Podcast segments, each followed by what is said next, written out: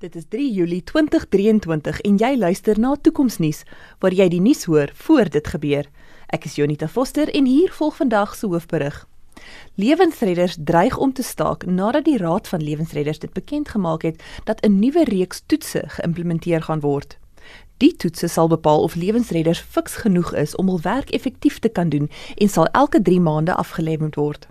Die nuwe maatreëls is ingestel nadat die raad 'n dramatiese afname in die fiksheidsvlakke en stygings in die liggaamsgewig van lewensredders waargeneem het.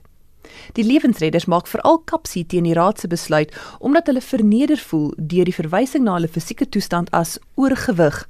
Die raad het egter hul verklaring verdedig deur te sê dat fisiese voorkoms nie die fokus van die verslag is nie, maar dat die fisiese welstand van die lewensredders wel 'n impak kan hê op hoe goed hulle hulle werk kan doen.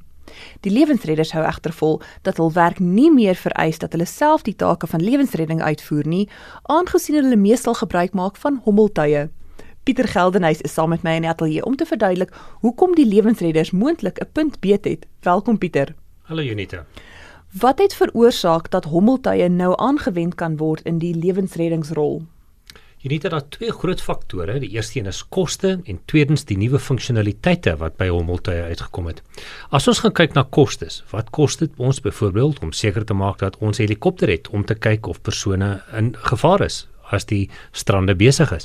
Dit kos 'n helikopter uh omtrent tussen 8000 en 30000 rand per uur. Dis die koste daaraan om 'n helikopter in die lug te hou.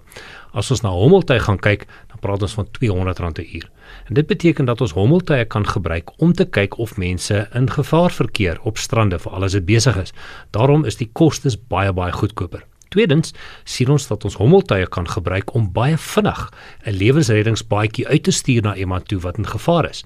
En daarom kan ons 'n hele klomp baie goedkoper hommeltuie gebruik om na die baaiers te kyk op 'n strand en dan baie vinnig te reageer om by iemand uit te kom wat in nood is.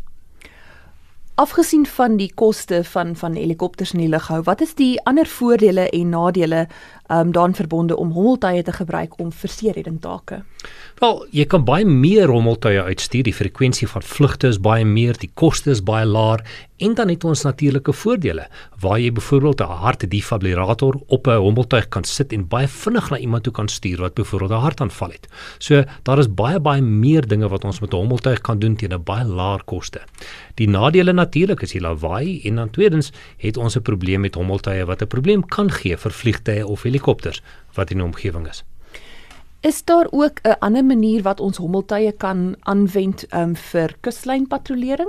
Ja, ons kan byvoorbeeld hommeltuie gebruik om haie op waar te neem en nie net om haie op te spoor nie, maar nadat 'n haai opgespoor is te volg. Die tegnologie op die hommeltuie is baie gevorderd en nadat dit byvoorbeeld 'n haai autonoom opspoor, kan dit ook die haai volg en dit gee vir jou 'n baie groter idee van waar die haai is, veral as daar mense is wat op die kuslyn is. En dan natuurlik kan ons ook um, hommeltuie gebruik om te gaan kyk na stroping. Jy kan in die nag byvoorbeeld vlieg met infrarooi en te kyk watter mense is daar wat die kuslyn stroop het ons tans die infrastruktuur om om so plan te onderskryf of watter infrastruktuur genodig wees om so tipe opsie te ondersteun? Ons kan ook groter hommeltuie gebruik, byvoorbeeld hommeltuie wat tot 50 km oor die see kan vlieg, maar dan gaan ons byvoorbeeld 'n baie sterk 4G netwerk nodig hê, 'n 4G netwerk op die laer frekwensies teen 700 of 800 MHz en dit beteken dat ons ander tipe hommeltuie kan gebruik wat in 'n groot mate die lugmag kan bystaan om te kyk of daar ander lande is wat ons ons seebronne stroop terme van visvang. So ons kan hommeltuie op 'n op vele plekke gebruik wat nie net die kostes verlaag nie, maar ook die frekwensie van vlugte dramaties kan opstoot. Dankie Pieter. Die Raad van Lewensredders het op hulle sosiale media platforms gesê dat hulle dit nou oorweeg om te onderskei tussen die twee klasse lewensredders. Die reeks fisieke toetse sal dan net van toepassing wees op die lewensredders wat nie die hommeltuie vlieg nie. Daar is nog geen verdere toevoer van die groep protesterende lewensredders ontvang nie. Dit was Pieter Geldenhuys en Jonita Foster vir Toekomsnuus, waar ons die moontlikhede van die toekoms ondersoek. Vir meer inligting oor die tegnologiese onderbou van hierdie en vorige episode, volg gerus die Toekomsnuus Facebookblad.